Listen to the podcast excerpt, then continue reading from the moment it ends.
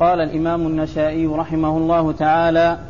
باب المقام الذي يقصر بمثله الصلاة وقال أخبرنا حميد بن مسعدة قال أخبرنا يزيد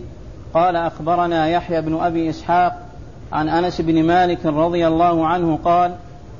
خرجنا مع رسول الله صلى الله عليه وسلم من المدينة إلى مكة فكان يصلي بنا ركعتين حتى رجعنا قلت هل أقام بمكة قال نعم أقمنا بها عشرا بسم الله الرحمن الرحيم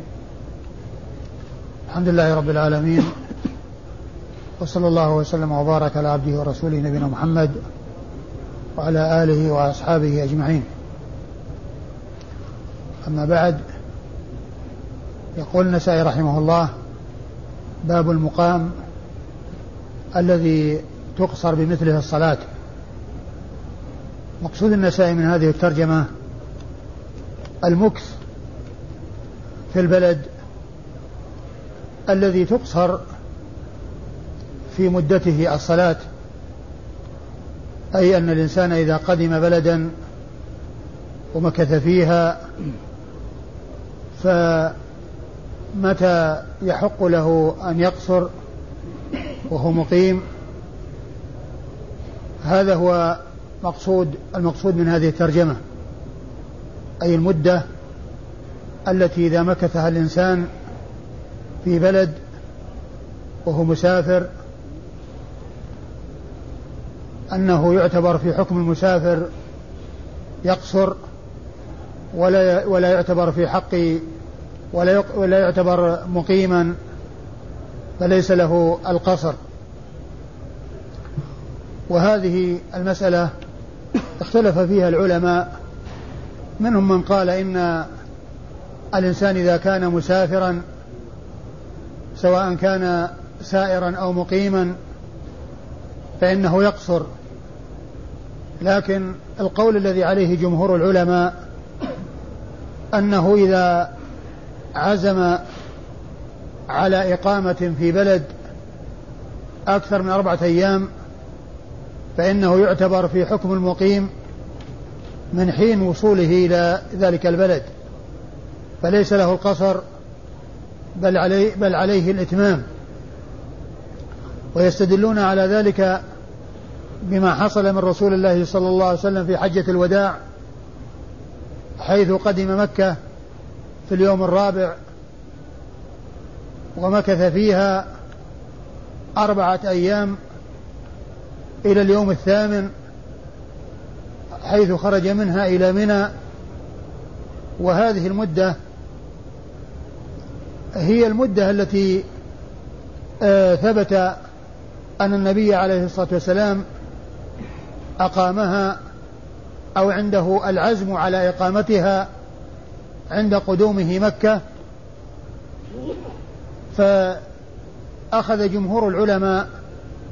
بأن المدة التي إذا عزم على أكثر منها يعتبر في حكم المقيم وليس في حكم المسافر أربعة أيام استنادا إلى ما حصل في حجة الوداع من مكثه بمكة قبل الحج أربعة أيام فإنه منذ قدم وهو ينتظر الحج والحج يبدأ في اليوم الثامن فتكون هذه المدة إذا أربعة أيام فأقل من أقامها يقصر الصلاة ومن عزم على إقامة أكثر منها أي من أربعة أيام فإنه يتم ولا يقصر وقد أورد النسائي عدة أحاديث منها حديث أنس بن مالك رضي الله تعالى عنه قال خرجنا مع رسول الله عليه الصلاة والسلام يقصر الصلاة يصلي ركعتين حتى رجعنا إلى المدينة قال كم آه، أقمتم قال كم قلت هل أقام بمكة هل أقام بمكة قال عشرا أي أقام عشرا لكن هذه العشر ليست بمكة وحدها وإنما هي بمكة وما حوالي مكة من عرفات ومنى لأن النبي عليه الصلاة والسلام أقام بمنى أربعة أيام قبل بمكة أربعة أيام قبل الحج ثم ذهب إلى منى وأقام فيه اليوم الثامن آه، بقية اليوم الثامن وليلة التاسع ثم ذهب إلى عرفة وأقام فيها اليوم التاسع ثم رجع إلى منى وأقام فيها العاشر والحادي عشر والثاني عشر والثالث عشر ثم رجع إلى مكة وطاف طواف الوداع وسافر واتجه إلى المدينة صلوات الله وسلامه وبركاته عليه فتكون المدة التي آه، مكث رسول الله صلى الله عليه وسلم بمكة وما حوالي مكة منذ أن قدم مكة حتى غادر مكة عشرا وذلك في حجة الوداع وذلك في حجة الوداع فهذا الحديث ليس فيه إقامة أو العزم على إقامة عشرة أيام لأن العزم إنما على الإقامة في بلد إنما هي بمكة أربع ثم منها يوم في منى ويوم في عرفة وثلاث أيام بعد ذلك بمنى ثم النزول بالمحصب ثم الوداع والسفر فهذه العشر ليست إقامة في مكان واحد أو في بلد واحد وإنما هي موزعة بين الإقامة مكة وعرفه مزدل وعرفه منى موزعة بينها هذه المدة فالإقامة المحققة هي الأربعة الأيام التي قبل الحج ولهذا أخذ جمهور العلماء بها واعتبروا أن العزم على إقامة أكثر من أربعة أيام عند قدومه البلد أنه يعتبر في حكم المقيم أما إذا دخل بلدا وما كان عنده عزم على مدة معلومة بل آه يريد قضاء حاجة ولا يعلم متى تنقضي حاجته هل تنقضي في يوم أو يومين أو أكثر فإنه يعتبر مسافرا ولو طالت المدة ويقصر ولو طالت المدة يعتبر مسافرا ولو طالت المدة لأنه ما قصد الإقامة وإنما كل يوم يقول إذا انتهت حاجتي أغادر وأنهي الإقامة فها فمن كان كذلك فله حق القصر ولو طالت المدة أما من عزم على إقامة عند دخوله البلد تزيد على أربعة أيام فهذا حكمه حكم المقيمين وليس حكمه حكم المسافرين وأما إسناد الحديث فيقول النسائي أخبرنا حميد بن مسعدة أخبرنا حميد بن مسعدة وهو البصري وهو صدوق أخرج حديثه مسلم وأصحاب السنن الأربعة أخرج حديثه مسلم وأصحاب السنن الأربعة يروي عن يزيد وهو بن زريع البصري وهو ثقة ثبت أخرج حديثه أصحاب الكتب الستة يروي عن يحيى ابن ابن إسحاق يحيى ابن أبي إسحاق الأنصاري وهو البصري وهو ثقة البصري وهو ثقة وهو صدوق آه، ربما أخطأ وحديثه أخرجه أصحاب الكتب الستة يروي عن أنس بن مالك صاحب رسول الله صلى الله عليه وسلم وخادمه وأحد السبعة المعروفين بكثرة الحديث عن رسول الله عليه الصلاة والسلام من أصحابه الكرام رضي الله تعالى عنهم وأرضاهم وهذا الحديث من الأسانيد الرباعية والحديث هذا الحديث من الأسانيد الرباعية وهو مسلسل بالبصريين لأن لأن كل من هؤلاء الأربعة من أهل البصرة آه الذي هو حميد بن مسعدة ويزيد بن زريع ويحيى ابن أبي إسحاق وأنس بن مالك هؤلاء بصريون فهو مسلسل بالبصريين وهو من أعلى الأسانيد عند النسائي لأن أعلى الأسانيد عند النسائي هي الرباعيات لأنه ليس عنده ثلاثيات وإنما أعلى ما عنده الرباعيات نعم. وقال أخبرنا عبد الرحمن بن الأسود البصري قال حدثنا محمد بن ربيعة عن عبد الحميد بن جعفر عن يزيد بن أبي حبيب عن عراك بن مالك عن عبيد الله بن عبد الله عن ابن عباس رضي الله عنه أن رسول الله صلى الله عليه وسلم أقام بمكة خمسة عشر يصلي ركعتين ركعتين ثم أورد النسائي حديث ابن عباس أن النبي عليه الصلاة والسلام أقام مكة خمسة عشر يصلي ركعتين ركعتين المقصود من ذلك في عام الفتح كان هذا في عام الفتح وليس في حجة الوداع حجة الوداع هو الذي مر في حديث أنس لكن جاء في بعض الأحاديث الصحيحة أنه أقام فيها تسعة عشر يوما و وهذا إنما كان بمكة فإذا الصحيح الثابت أنه أقام فيها بها تسعة عشر يوما يقصر الصلاة لكن هذا محمول كما هو واضح على عدم قصد الإقامة عند دخوله مكة لأنه دخل مكة فاتحا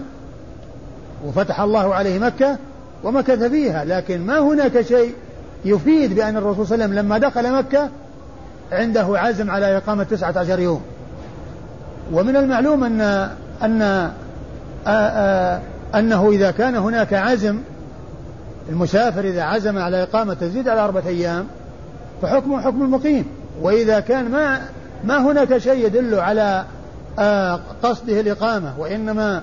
آه، تتابعت الأيام ومضت الأيام دون أن يكون عنده عزم على إقامة معينة أيام معلومة فإنه يقصر ولو طالت المدة والرسول صلى الله عليه وسلم مكث في مكة تسعة عشر يوما يقصر الصلاة في, في, في, في عام الفتح فيكون هذا محمول على أنه ما كان هناك قصد تسعة إقامة تسعة, تسعة عشر يوم عندما دخل مكة عند إرادة عند دخوله مكة ما كان في عزم على أنه يقيم وإنما دخل فاتحا ثم يرجع إلى المدينة لأنها دار الهجرة ولن يبقى في مكة وليس آه ولن يرجع إلى إلى مكة ليقيم بها ولينزل بها بل يبقى في دار هجرته صلى الله عليه وسلم المدينة فهذا يحمل على على أنه ما كان هناك قصد وليس هناك شيء يدل على قصد هذه المدة وهذا هو الذي أجاب به الجمهور عن كونه مكث تسعة عشر يوما وهو في مكة نفسها يقصر الصلاة وهو في مكة نفسها يقصر الصلاة يعني في بلد واحد ما هو مثل حجة الوداع حجة الوداع في مكة وغير مكة لكن في عام الفتح كان الجلوس مكة لكن هذا يحمل على عدم قصد الإقامة على عدم قصد الإقامة هذا هو الذي حمله الجمهور عليه والإسناد قال أخبرنا عبد الرحمن بن الأسود البصري قال أخبرنا عبد الرحمن بن الأسود البصري عبد الرحمن بن الأسود البصري وهو ثقة أخرج حديثه مقبول يا شيخ مقبول؟ نعم عبد الرحمن بن الأسود؟ نعم الترمذي والنسائي ها؟ أليس أخرجه الترمذي والنسائي مقبول أو آخر؟ هو في التقريب؟ نعم خرجناه قبل قليل لا في التقريب نعم خرجناه قبل قليل ها؟ خرجناه قبل قليل تأكد قبل قليل؟ لا أنا ما حضرت لكن أخرجناه من طبعة عوامة أيوه هنا ف قال مقبول الآن الذي أذكر أنني رأيته في المصرية أنه أنه ثقة نعم. أنه ثقة مو موجود التقريب عبد الرحمن نعم موجود, موجود التقريب موجود نعم طيب، شوف نعم قال عبد الرحمن بن الأسود بن المأمول هاشم مولاهم البصري أيوة وهذا يا شيخ أيوة نعم مقبول من الحادي عشر مات بعد سنة أربعين رواه الترمذي والنسائي الذي في ذهني أن المصرية فيها تسعة أنه ثقة لكن يتحقق من منه ونبين ذلك في درس القادم إن شاء الله نعم عن محمد بن ربيعة عن محمد بن ربيعة محمد بن ربيعة ثقة خرج حديثه البخاري في الأدب المفرد وأصحاب السنة الأربعة عن عبد الحميد بن جعفر عن عن عبد الحميد بن جعفر وهو وهو آه، ثقة ربما وهم والله يا شيخ ما حضرت آه، ثقة ربما وهم وأخرج حديثه البخاري تعليقا ومسلم وأصحاب السنة الأربعة البخاري تعليقا ومسلم وأصحاب السنة الأربعة شوف التقريب عندك عبد الحميد بن جعفر عبد الحميد بن جعفر بن عبد الله بن الحكم بن رافع الانصاري صدوق رمي بالقدر وربما وهم نعم صدوق من السادسه مات سنه البخاري تعليقا ومسلم واصحاب السنه اي نعم تعليقا نعم نعم صدوق ربما وهم واخرج حديث البخاري تعليقا ومسلم واصحاب السنه الاربعه نعم. ايوه عن يزيد بن ابي حبيب عن يزيد بن ابي حبيب المصري وهو ثقه اخرج ثقه فقيه اخرج حديثه واصحاب الكتب السته عن عراك بن مالك عن عبر... عن عراك بن مالك وهو ثقة فاضل أخرج حديثه وأصحاب كتب الستة عن عبيد الله بن عبد الله عن عبيد الله بن عبد الله بن عتبة بن مسعود عن عبيد الله بن عبد الله بن عتبة بن مسعود الثقفي وهو ثقة ثبت فقيه أخرج حديثه وأصحاب الكتب الستة وهو أحد الفقهاء السبعة في المدينة في عصر التابعين أحد الفقهاء السبعة في المدينة في عصر التابعين عبيد الله بن عبد الله بن عتبة بن مسعود وهم عبيد الله بن عبد الله بن عتبة بن مسعود هذا وعروة بن الزبير بن العوام وخارجة بن زيد بن ثابت وسعيد بن مسيب وسليمان بن يسار و والقاسم بن محمد بن ابي بكر الصديق هؤلاء سته متفق على عدهم في الفقهاء السبعة والسابع فيه أقوال ثلاثة فقيل إن السابع أبو بكر بن عبد الرحمن بن الحارث بن هشام وقيل إن السابع أبو سلمة بن عبد الرحمن بن عوف وقيل إن السابع سالم بن عبد الله بن عمر بن الخطاب فستة متفق على عدهم في الوقاية السبعة والسابع فيه ثلاث أقوال وعبد الله هذا من الستة المتفق على عدهم في الفقهاء السبعة وقد ذكرهم ابن القيم في أول كتابه إعلام الموقعين عندما ذكر فقهاء الأمصار في البلاد المختلفة في العراق والحجاز ومصر واليمن وغير ذلك آه، وعندما جاء ذكر للمدينة وذكر الفقهاء في عصر الصحابة والفقهاء في عصر التابعين ذكر أن منهم الفقهاء السبعة ولكن ذكر السابع منهم أبو بكر بن عبد الرحمن ابن الحارث بن هشام وذكر بيتين من الشعر آه، اشتمل ثانيهما على الفقهاء السبعة وهو قوله وهو قول آه، الشاعر إذا قيل من في العلم سبعة أبحر روايتهم ليست عن العلم خارجة فقلهم عبيد الله له هذا فقلهم عبيد الله عروة قاسم سعيد أبو بكر سليمان خارجة فقلهم عبيد الله عروة قاسم سعيد أبو بكر سليمان خارجة هؤلاء هم الفقهاء السبعة في المدينة في عصر التابعين يروي عن عبد الله بن عباس ابن عبد المطلب رضي الله تعالى عنهما وعبد الله بن عباس ابن عبد المطلب آه، ابن عم رسول الله عليه الصلاة والسلام وأحد العبادلة الأربعة من الصحابة الكرام والعبادلة الأربعة يطلق على أربعة من صغار الصحابة كانوا في زمن متقارب ووفياتهم متقاربة وهم عبد الله بن عباس وعبد الله بن عمر وعبد الله بن عمر وعبد الله بن الزبير وأيضا ابن عباس أحد السبعة المعروفين بكثرة الحديث عن رسول الله عليه الصلاة والسلام وهم أبو هريرة وابن عمر وابن عباس وأبو سعيد الخدري وأنس بن مالك وجابر بن عبد الله الأنصاري وعائشة أم المؤمنين قد جمعهم السيوطي في الألفية بقوله والمكثرون في رواية الأثر أبو هريرة يليه ابن عمر وأنس والبحر البحر اللي هو ابن عباس وقال له البحر ويقال له الحبر والبحر كالخدري وجابر وزوجة النبي نعم وقال أخبرني محمد بن عبد الملك بن زنجوي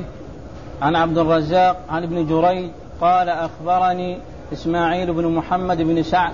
أن حميد بن عبد الرحمن أخبره أن السائب بن يزيد أخبره أنه سمع العلاء بن الحضرمي يقول قال رسول الله صلى الله عليه وسلم يمكث المهاجر بعد قضاء نسكه ثلاثة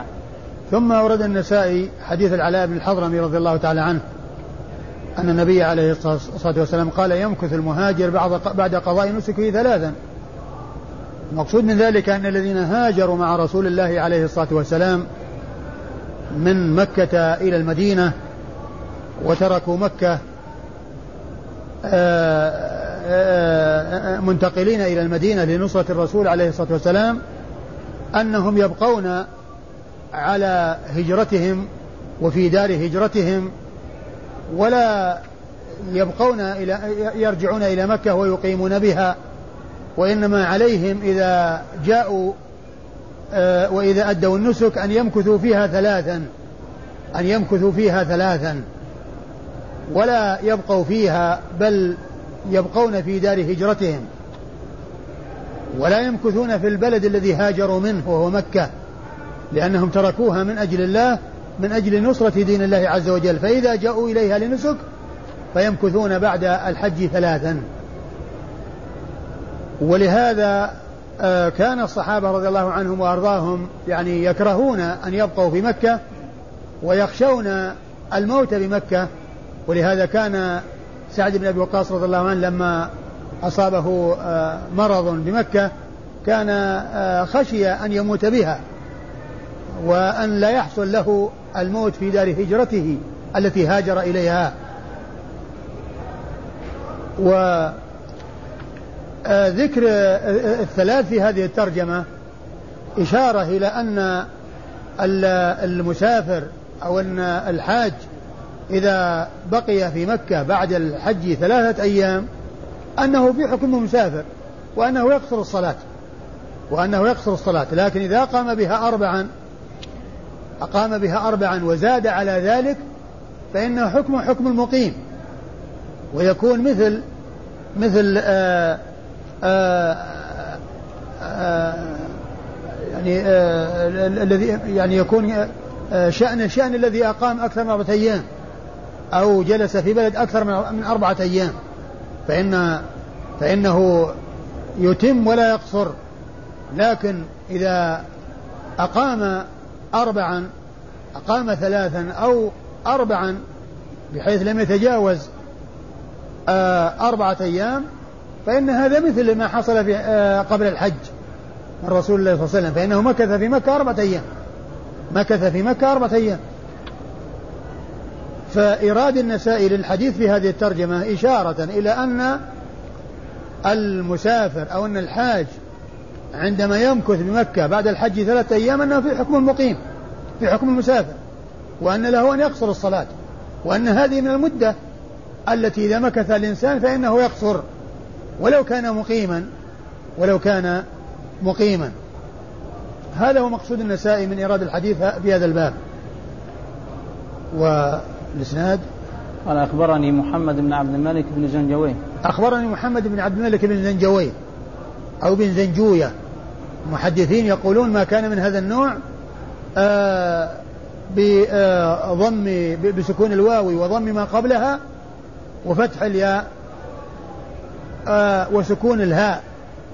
وسكون وأما اللغويون فيأتون به مختوما بويه الواو مفتوحة والياء ساكنة والهاء بعدها ساكنة زنجويه راهويه آآ آه، آآ آه، وغير ذلك ما كان من هذا القبيل وأما المحدثون فيقولون, فيقولون وينطقونه فيقولون آه، راهوية وزنجوية وغير ذلك وما أشبه ذلك واللغويون يجعلونه من قبيل ما هو مختوم بويه من قبيل ما هو مختوم بويه ومحمد بن عبد الملك بن زنجوية أو بن زنجويه آه ثقة أخرج حديثه النسائي وحده الأربعة أخرج حديثه أصحاب السنن الأربعة أخرج حديثه أصحاب السنن الأربعة لم يخرج له الشيخان بل خرج له أصحاب السنن الأربعة عن عبد الرزاق عن عبد الرزاق بن همام الصنعاني اليماني وهو ثقة حافظ مصنف أخرج حديثه وأصحاب الكتب الستة عن ابن جريج وعبد الملك بن عبد العزيز بن جريج المكي وهو ثقة يرسل ويدلس ثقة فقيه يرسل ويدلس وحديثه أخرجه أصحاب الكتب الستة عن إسماعيل بن محمد بن سعد عن إسماعيل بن محمد بن سعد بن أبي وقاص إسماعيل بن محمد بن سعد ابن أبي وقاص وهو ثقة أخرج له أخرج مسلم الأربعة البخاري ومسلم الأربعة إلى ابن ماجه البخاري ومسلم البخاري ومسلم أربعة إلى ابن ماجه آه، أخرج له أصحاب الكتب إلا من ماجه آه، أصحاب الكتب الستة إلا من ماجه فإنه لم يخرج له شيئا مثل إسحاق بن راهوية إسحاق بن راهوية الذي يأتي ذكره كثيرا أخرج له أصحاب الكتب الستة إلا من ماجه هذا من مثله أخرج له أصحاب الكتب الستة إلا من ماجه أيوه أن حميد بن عبد الرحمن أخبره أن حميد بن عبد الرحمن بن عوف حميد بن عبد الرحمن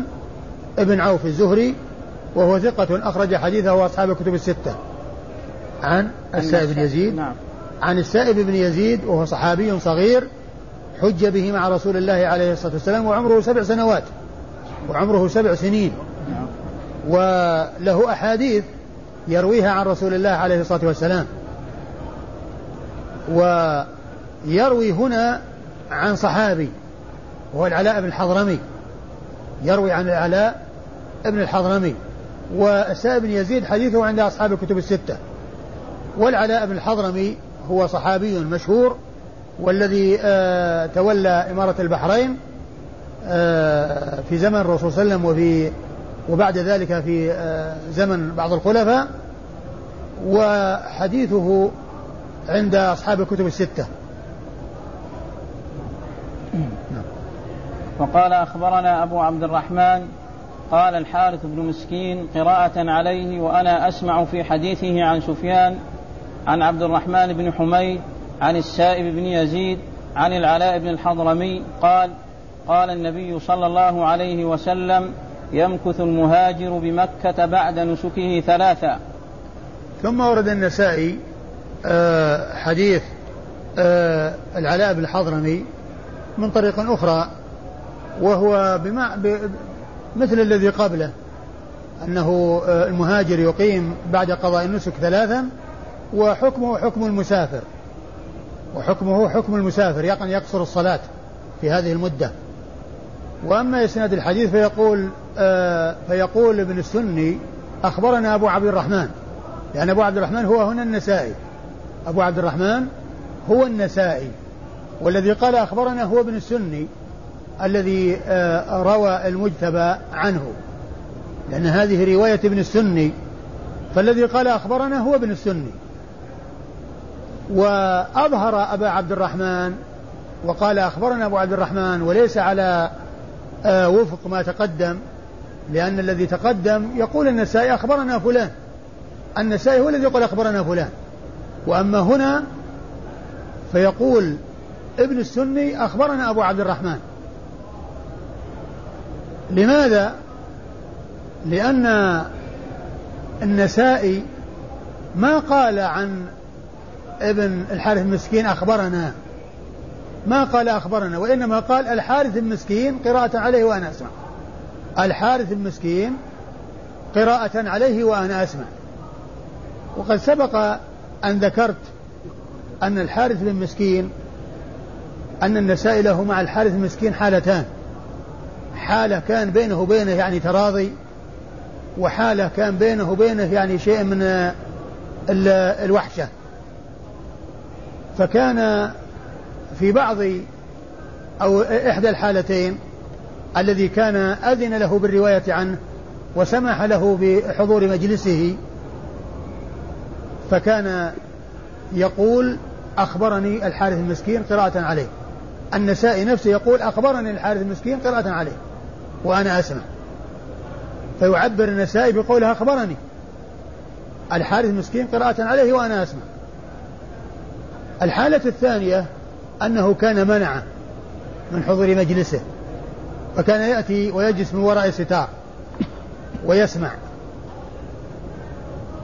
وما كان من هذا القبيل يرويه بقوله الحارث مسكين قراءة عليه وأنا أسمع ما يقول أخبرني لأنه ما أراد إخباره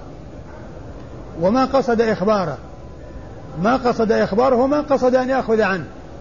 فمن دقة النسائي رحمه الله أن ما كان من هذا القبيل يكتفي بأن يقول الحارث المسكين قراءة عليه وأنا أسمع الحارث المسكين قراءة عليه وأنا أسمع ومن أجل هذا جاء أو قال ابن السني أخبرنا أبو عبد الرحمن قال الحارث المسكين قراءة عليه وأنا أسمع الحارث المسكين قراءة عليه وأنا أسمع فمن أجل هذا أظهر اسم النسائي هنا لأنه يعني بدلا من كونه يبدأ بقراءة الحارث المسكين قراءة عليه وأنا أسمع ولم يسبقها أخبرني من أجل ذلك أظهر ابن السني اسم شيخه في هذه أو في هذا الإسناد وقال أخبرنا أبو عبد الرحمن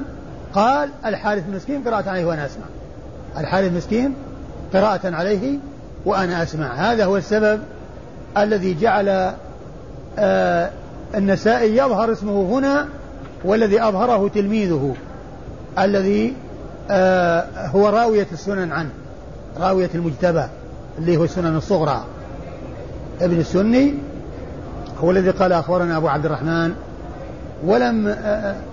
آه، آه، ولا أذكر فيما مضى أنه مر مثل هذا الموضع الذي فيه تسمية أبو عبد الرحمن تسميته ما تذكر أنه مر بنا شيء من هذا وكما قلت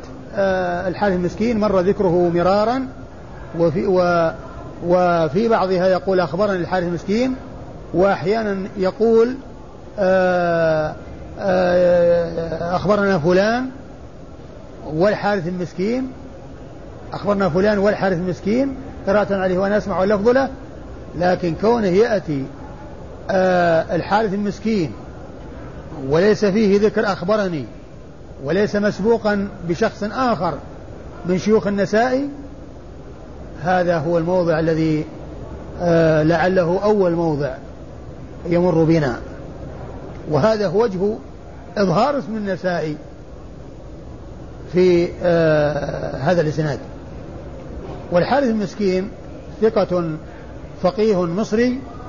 أخرج حديثه أبو داود والنسائي حارث المسكين هو المصري آه، قاضي مصر وحديثه أخرجه أبو داود والنسائي عن سفيان عن سفيان وهو ابن عيينة سفيان ابن عيينة الهلالي المكي وهو ثقة ثبت حجة إمام آه، أخرج حديثه أصحاب الكتب الستة عن عبد الرحمن بن حميد عبد الرحمن؟ نعم ابن؟ بن حميد عبد الرحمن بن حميد وهذا عبد الرحمن بن حميد بن عبد الرحمن يعني والد ابن الذي في الإسناد الأول لأن الذي في الإسناد الأول حميد بن عبد الرحمن ابن عوف وهذا آه عبد الرحمن ابن حميد بن عبد الرحمن وكل من آه، الأب والابن يروي عن آه السائب بن يزيد عن السائب بن يزيد السائب بن يزيد روى عنه حميد بن عبد الرحمن بن عوف وروى عنه عبد الرحمن بن حميد بن عبد الرحمن بن عوف الأب والابن اشتركا في الأخذ عن السائب بن يزيد صاحب رسول الله صلى الله عليه وسلم وحميد بن عبد وعبد الرحمن بن حميد كأبيه ثقة خرج حديثه وأصحاب الكتب الستة عن السائب بن يزيد عن العلاء عن السائب بن يزيد عن العلاء بن الحضرمي وقد مر ذكرهما وقال أخبرني أحمد بن يحيى الصوفي قال حدثنا أبو نعيم قال حدثنا العلاء بن زهير الازدي قال حدثنا عبد الرحمن بن الاسود عن عائشه رضي الله عنها انها اعتمرت مع رسول الله صلى الله عليه وسلم من المدينه الى مكه حتى اذا قدمت مكه قالت يا رسول الله بابي انت وامي قصرت واتممت وافطرت وصمت قال احسنت يا عائشه وما عاب علي ثم أورد النسائي حديث عائشة رضي الله عنها قالت آه خرجت آه، أنها اعتمرت مع أنها اعتمرت مع رسول الله صلى الله عليه وسلم ولما وصلت مكة قالت بأبي أنت وأمي يا رسول الله آه، قصرت وأتممت قصرت وأتممت وأفطرت وصمت فقال أحسنت يا عائشة ولم يعب علي أحسنت يا عائشة ولم يعب علي المقصود من إيراد الحديث آه، قوله آه، آه، قوله قوله فيه قولها فيه قصرت وأتممت قصرت وأتممت لكنه ليس واضح للترجمة لأن الترجمة هي في المدة التي يمكثها يعني وله أن يقصر وهذا ليس في ذكر المدة ولا يتعلق بالمدة التي يمكثها الإنسان في البلد وإنما كان في الطريق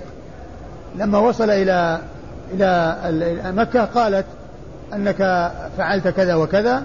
وأنا فعلت كذا وكذا وقد اختلف في ثبوت هذا الحديث فمن العلماء من ضعف وتكلم فيه وقال إنه منكر لأنه آه لأنه آه لأن عائشة رضي الله عنها ما يليق آه، أنها تفعل فعلا يخالف رسول الله رسول الله صلى الله عليه وسلم وهو وهي معه فحيث بحيث يفعل هو فعلا وهي تفعل شيئا بخلافه وهي تفعل شيئا بخلافه والذي ثبت عنها انها اتمت ولكن بعد وفاه الرسول صلى الله عليه وسلم وقيل انها تاولت كما تاول عثمان انها تاولت كما تأول عثمان وتأول عثمان مر بنا في الدرس الماضي وأن أحسن ما قيل فيه أنه رأى أن أن القصر إنما يكون فيما إذا كان سائرا أو أنه فعل ذلك حتى لا آه، يفهم الأعراب الذين يحضرون الموسم أن القصر هو فرض الصلاة دائما وأبدا فرض الصلاة دائما وأبدا فقيل إنها تأولت كما تأول عثمان والذي قيل في تأولها أنها رأت أنه لا يشق عليها أنه لا يشق عليها وأن أن القصر إنما هو من أجل مشقة وهي أن رأت أنه ليس هناك مشقة فتأولت هذا التأويل وأما فعلها في بحضرته ومعه عليه الصلاة والسلام وكونها تخالفه فهذا استبعده بعض أهل العلم وقال إن هذا يبعد من عائشة أن تفعل فعلا يخالف رسول الله صلى الله عليه وسلم و وأيضا آه، تكلم فيه من جهة عبد الرحمن بن الأسود هل سمع منها أو لم يسمع وبعض العلماء يثبت سماعه منها وبعضهم يقول إنه مرسل وليس بسماع لأنه لم يسمع منها لكن آه ال ال ال آه، بعض علماء آه، استبعدوا أن يكون ذلك منها مع رسول الله عليه الصلاة والسلام وأن وأنها تفعل فعلا يخالفه والرسول عليه الصلاة والسلام هو القدوة والأسوة لأمته صلى الله عليه وسلم والإتمام ثابت عنها بعد وفاته ثابت عنها بعد وفاته ولهذا قال الراوي تأولت كما تأول عثمان تأولت كما تأول عثمان وهذا هو الذي يناسب كونها حصل منها في اجتهادها بعد وفاة الرسول صلى الله عليه وسلم هذا ثابت في صحيح البخاري أنها تأولت كما تأول عثمان آه، ايش ايش احمد بن يحيى لا لا المتن المتن ايوه انها اعتمرت مع رسول الله صلى الله عليه وسلم من المدينه الى مكه حتى اذا قدمت مكه قالت يا رسول الله بابي انت وامي قصرت وأتممت وأفطرت وصمت قال أحسنت يا عائشة وما عاب علي ومما أيضا ذكر يعني في أنه جاء في بعض الروايات ولكن ليست عند النسائي أنها قالت في رمضان والرسول صلى الله عليه وسلم ما ثبت عنه أن اعتمر في رمضان ما ثبت عنه أن اعتمر في رمضان وإنما كانت عمره في ذي الحج في ذي القعدة كلها اعتمر النبي صلى الله عليه وسلم أربع عمر وكلها في ذي القعدة عمر الرسول صلى الله عليه وسلم كلها في ذي القعدة وليس منها شيء في رمضان ولم يثبت أنه اعتمر في رمضان عليه الصلاة والسلام ومكة لما دخلها عام الفتح آه، آه، ما دخل آه، معتمرا وإنما دخل وعلى رأسه المغفر نعم. قال أخبرني يحيى بن بن أحمد بن أخبرني أحمد بن يحيى الصوفي أخبرني أحمد بن يحيى الصوفي وهو آه، ثقة أخرج حديثه يا شيخ ما أدري هو العابد هو العابد نعم نعم النسائي وحده أخرج حديثه النسائي وحده نعم عن عن أبي نعيم عن أبي نعيم وهو الفضل بن دكين الكوفي هذا اللي هو الـ الـ أحمد بن يحيى الصوفي العابد هو كوفي يروي عن الفضل بن دكين أبو نعيم وهو كوفي أبو نعيم كنيته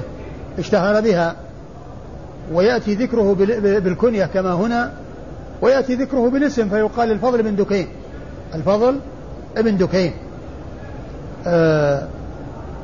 والفضل ابن دكين ثقة أخرج حديثه وأصحاب الكتب الستة أخرج حديثه وأصحاب الكتب الستة وقد آه، نقل قيل عنه أنه يتشيع أو أن فيه تشيع لكن جاء عنه ما يدل على سلامته من ذلك وأنه قال ما كتبت علي الحفظة أنني سببت معاوية ما كتبت عني الحفظة أني سببت معاوية فالذي يقول هذا الكلام والذي آه، يسلم الله آه، لسانه من أن يتكلم في معاوية هذا يدل على سلامته مما رمي به وأن وأن وأن آه، لسانه آه، سلمه الله من أن يتكلم في صاحب رسول الله صلى الله عليه وسلم معاوية الذي الكلام فيه عند الرافضة من أسهل ما يكون ولا بل آه، بل الزيدية أنفسهم يعني لا يتورعون عن أن يسبوا معاوية وإن لم يسبوا الشيخين ويتكلموا في الشيخين ويسبوهما إلا أنهم يعني آه، سب معاوية عندهم وعند غيرهم من أسهل ما يكون فالذي يقول انه ما كتبت عليه الحفظة انه سب, سب معاوية يعني معنى هذا يدل على سلامته وانه على طريقة اهل السنة الذين اكرمهم الله عز وجل بسلامة قلوبهم والسنتهم لاصحاب رسول الله عليه الصلاة والسلام جميعا سلم الله قلوبهم والسنتهم من ان يكون القلوب فيها شيء على الصحابة وألسنتهم أن تتكلم بما لا يليق بالصحابة بل قلوبهم مليئة بحب الصحابة وألسنتهم تذكر الصحابة بالجميل وتثني عليهم وتترضى عنهم وتدعو لهم وتعرف فضلهم وسابقتهم وأنهم وعدوا الحسنى جميعا كما قال الله عز وجل لا يستوي منكم من أنفق من قبل الفتح وقاتل أولئك أعظم درجة من الذين أنفقوا من بعد وقاتلوا وكلا وعد الله الحسنى وكلا وعد الله الحسنى وأبو نعيم هو من كبار شيوخ البخاري هو من كبار شيوخ البخاري الذين ما أدركهم آآ آه، آآ آه، آه، يعني آآ بعض الأئمة بعد بعد البخاري لأنه توفي سنة 18 200 218 والنسائي ولد سنة 215 فعمره عند وفاة آه، آه، الفضل بن دكين ثلاث سنوات عمرو النسائي عند وفاة الفضل بن دكين ثلاث سنوات ولهذا يروي عنه بواسطة لأنه ما أدركه لأنه ما أدركه فهو من كبار شيوخ البخاري المتقدمين و وممن اشتهر بأبي نعيم الأصبهاني صاحب السنن صاحب الحلية صاحب الحلية وصاحب معرفة الصحابة وذاك متأخر ولكنه مشهور بهذه الكنية أبو نعيم وكانت وفاته سنة 430 أبو نعيم الأصبهاني وفاته سنة 430 وأما أبو نعيم الفضل بن دكين الذي هو من كبار شيوخ البخاري فكانت وفاته سنة 218 أو 219 أيوة عن العلاء بن زهير الأجدي عن العلاء بن زهير الأزدي الكوفي وهو آه وهو ثقة أخرج له النسائي وحده أخرج حديثه النسائي وحده عن عبد الرحمن بن عن عبد الرحمن بن الأسود ابن يزيد بن ثقة أخرج حديثه أصحاب الكتب الستة من هو الذي يروي عن اللي قبله؟ لا اللي اللي قبل آه، الاسناد اللي قبله؟ إيه، لا نفس الاسناد آه، الصوفي آه، أحمد بن يحيى عن ابن نعيم يروي عن من؟ آه، أحمد آه، عن أبي نعيم عن العلاء عن عبد الرحمن بن الأسود عن عائشة لا أبو نعيم يروي عن من؟ أبو نعيم عن العلاء يا شيخ عن العلاء والعلاء يروي عن من؟ يروي عن عبد الرحمن بن الأسود عن عبد الرحمن الأسود نعم عبد عبد الرحمن الأسود بن يزيد بن قيس النخعي الكوفي وهو ثقة أخرج حديثه أصحاب الكتب الستة عن عائشة عن عائشة أم المؤمنين الصديقة بنت الصديق آآ آه، آآ آه، آه، هي الصحابية الوحيدة التي أكثرت الرواية عن رسول الله عليه الصلاة والسلام ولهذا فالذين عرفوا بكثرة الحديث عنه صلى الله عليه وسلم سبعة أشخاص ستة رجال وامرأة واحدة ستة رجال وامرأة واحدة هي أم المؤمنين عائشة فهي من أوعية السنة وممن حفظ الله تعالى بها سنة رسول الله عليه الصلاة والسلام لا سيما الأمور التي لا يطلع عليها إلا النساء أمور البيوت التي لا يعلمها إلا النساء فإن عائشة رضي الله تعالى عنها وأرضاها حفظت السنن الكثيرة عن رسول الله عليه الصلاة والسلام في بيوته وفي خارج بيوته مما يتعلق بالسنن التي لا تعلم إلا يعلمها إلا أهل البيوت وكذلك آه، مما يعلمه أهل البيوت وغير أهل البيوت روت الكثير عن رسول الله صلوات الله وسلامه وبركاته عليه ورضي الله تعالى عنها وأرضاها نعم قال باب ترك التطوع في السفر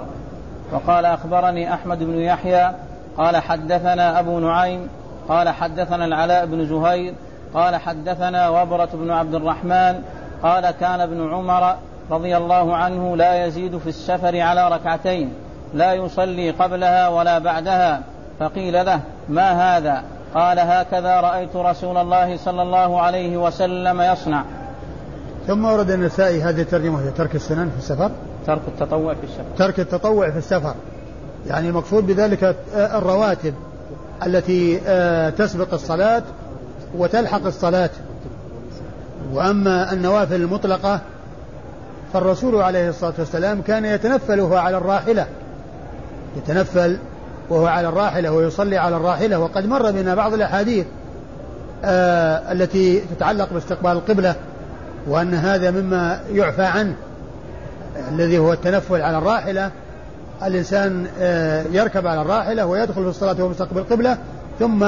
يتجه آه أو تتجه آه دابته إلى الوجهة التي يريدها من أي الجهات ويتنفل على الراحلة يومي إيماءً وهو راكب على راحلته المقصود الرواتب النبي صلى الله عليه وسلم ما كان يحافظ على شيء من الرواتب إلا على ركعتي الفجر والوتر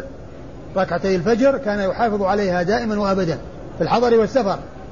والوتر كذلك ما كان يتركه لا في الحضر ولا في السفر صلوات الله وسلامه وبركاته عليه آه، فالمقصود من ترك التطوع المقصود بذلك الرواتب التي تسبق الصلاة المفروضة وتتبعها ثم ورد النسائي حديث عبد الله بن عمر بن الخطاب رضي الله تعالى عنهما أنه كان لا يزيد على ركعتين في السفر يعني الرباعية لا يزيد على الرباعية ركعتين فلا يصلي قبلها ولا بعدها فقيل له آه، ما هذا قال هكذا رأيت رسول الله صلى الله عليه وسلم يصنع أي أنه ما كان يتنفل قبل الراتبة ولا بعدها والإسناد نعم أحمد بن يحيى قال أخبرني أخبرنا آه، آه، أحمد بن يحيى وهو الذي تقدم وأبو نعيم وكذلك العلاء بن زهير هؤلاء الثلاثة مر ذكرهم في الإسناد الذي قبل هذا عن وبرة بن عبد الرحمن وهو ثقة خرج له من؟ نعم. البخاري ومسلم أبو داود والنسائي خرج له البخاري ومسلم وأبو داود والنسائي البخاري ومسلم وأبو داود والنسائي عن ابن عمر عبد الله بن عمر رضي الله تعالى عنهما صاحب رسول الله عليه الصلاة والسلام وأحد العبادة الأربعة وأحد السبعة المعروفين بكثرة الحديث عن رسول الله صلى الله عليه وسلم ورضي الله تعالى عن الصحابة أجمعين وقال أخبرنا نوح بن حبيب قال حدثنا يحيى بن سعيد قال حدثنا عيسى بن حفص بن عاصم قال حدثني أبي قال كنت مع ابن عمر في سفر فصلى الظهر والعصر ركعتين ثم انصرف إلى طنفسة له فرأى قوما يسبحون قال ما يصنع هؤلاء قلت يسبحون قال لو كنت مصليا قبلها أو بعدها لأتممتها صحبت رسول الله صلى الله عليه وسلم فكان لا يزيد في السفر على الركعتين وأبا بكر حتى قبض, قبض وعمر وعثمان رضي الله عنهم كذلك ثم ورد النسائي حديث عبد الله بن عمر رضي الله تعالى عنهما أنه صلى الظهر ركعتين والعصر ركعتين وقام إلى طنفسة كانت له فجلس عليها والطنفسة بساط له خمل فرأى أناسا يسبحون يعني يتنفلون لأن التسبيح آه، يعني المقصود به هنا التنفل والصلاة لأن صلاة النافلة يقال لها سبحة ولهذا يقال سبحة الضحى يعني صلاة الضحى يقال لها سبحة, سبحة الضحى يعني نافلة الضحى فالتسبيح آه، يطلق ويراد به قول سبحان الله ويطلق ويراد به صلاة النوافل صلو... النوافل يقال لها سبحة واحدة سبحة يعني معناه أنه يسبح يعني يصلي آه، يتنفل فرأى قوما يسبحون يعني يصلون نافلة بعد الصلاة فقال ما يصنع هؤلاء قالوا يسبحون يعني يصلون فقال صحبت الرسول صلى الله عليه وسلم صحبت نعم قال صحبت صحبت رسول الله صلى الله عليه وسلم فكان لا يزيد في السفر على الركعتين آه، صحبت رسول الله صلى الله عليه وسلم فكان لا يزيد في السفر على ركعتين وكذلك أبو بكر وعمر وعثمان يعني صحبتهم وكانوا يفعلون كذا أي أنهم لا يزيدون في السفر على ركعتين لا يزيدون في السفر على ركعتين يعني فكانوا لا يعني لا يتمون ولا يتنفلون وقال لو آه لو آه لو ايش؟ لو كنت مصليا قبلها لو كنت مصليا قبلها وبعدها لاتممتها والسنة جاءت بالقصر وأنها تصلى ثنتين فلا ترفع إلى أربع ولا آه يصلى قبلها ولا بعدها ولو كنت مصليا قبلها أو بعدها لأتممتها وكل منهما لم يأتي عن رسول الله صلى الله عليه وسلم أنه أتم ولا أنه تنفل مع أن الإتمام أولى أولى من التنفل لو كانت القضية قضية آه، الاتيان ب آه، يعني زيادة في الركعات ولو كان ذلك سائغا لكان الإتمام أولى من من من النافلة لكان الإتمام أولى من النافلة نعم الإسناد أخبرنا نوح بن حبيب أخبرنا نوح بن حبيب وهو ثقة أخرج له البخاري وأبو داود والنسائي البخاري وأبو داود والنسائي البخاري وأبو داود والنسائي أيوة عن يحيى بن سعيد عن يحيى بن سعيد القطان ثقة ثبت ناقد آه، متكلم في الرجال جرحا وتعديلا أخرج حديثه أصحاب الكتب الستة عن عيسى بن حفص بن عاصم عن عيسى بن حفص بن عاصم بن عمر بن الخطاب عيسى بن حفص بن عاصم بن عمر بن الخطاب وهو ثقة أخرج حديثه النسائي الجماعة إلا الترمذي الجماعة إلا الترمذي أخرج حديثه نعم. أصحاب الكتب الستة إلا الترمذي عيسى بن حفص ابن عاصم ابن عمر بن الخطاب عن أبيه حفص بن عاصم بن عمر بن الخطاب وهو ثقة أخرج له أصحاب الكتب الستة نعم. ها؟ أخرج له أصحاب الكتب الستة عن قال كنت مع ابن عمر عن ابن عمر رضي الله تعالى عنهما وقد مر ذكره في الاسناد الذي قبل هذا والله تعالى اعلم وصلى الله وسلم وبارك على على عبده ورسوله نبينا محمد وعلى اله واصحابه اجمعين